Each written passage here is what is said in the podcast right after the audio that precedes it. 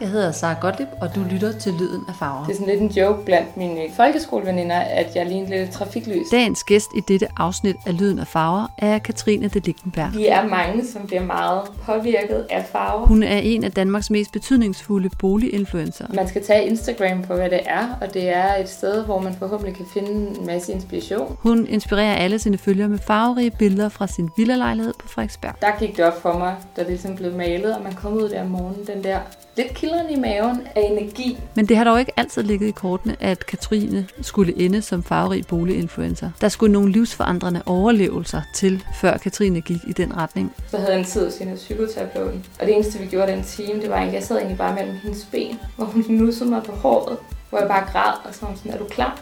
Ja, og så gik jeg til min læge og blev syg med I det tredje afsnit af Lyden af Farver kan du høre, hvordan Katrines boligindretning forandrede hendes liv, og hvordan farverne var med til at få Katrine til at få det godt igen.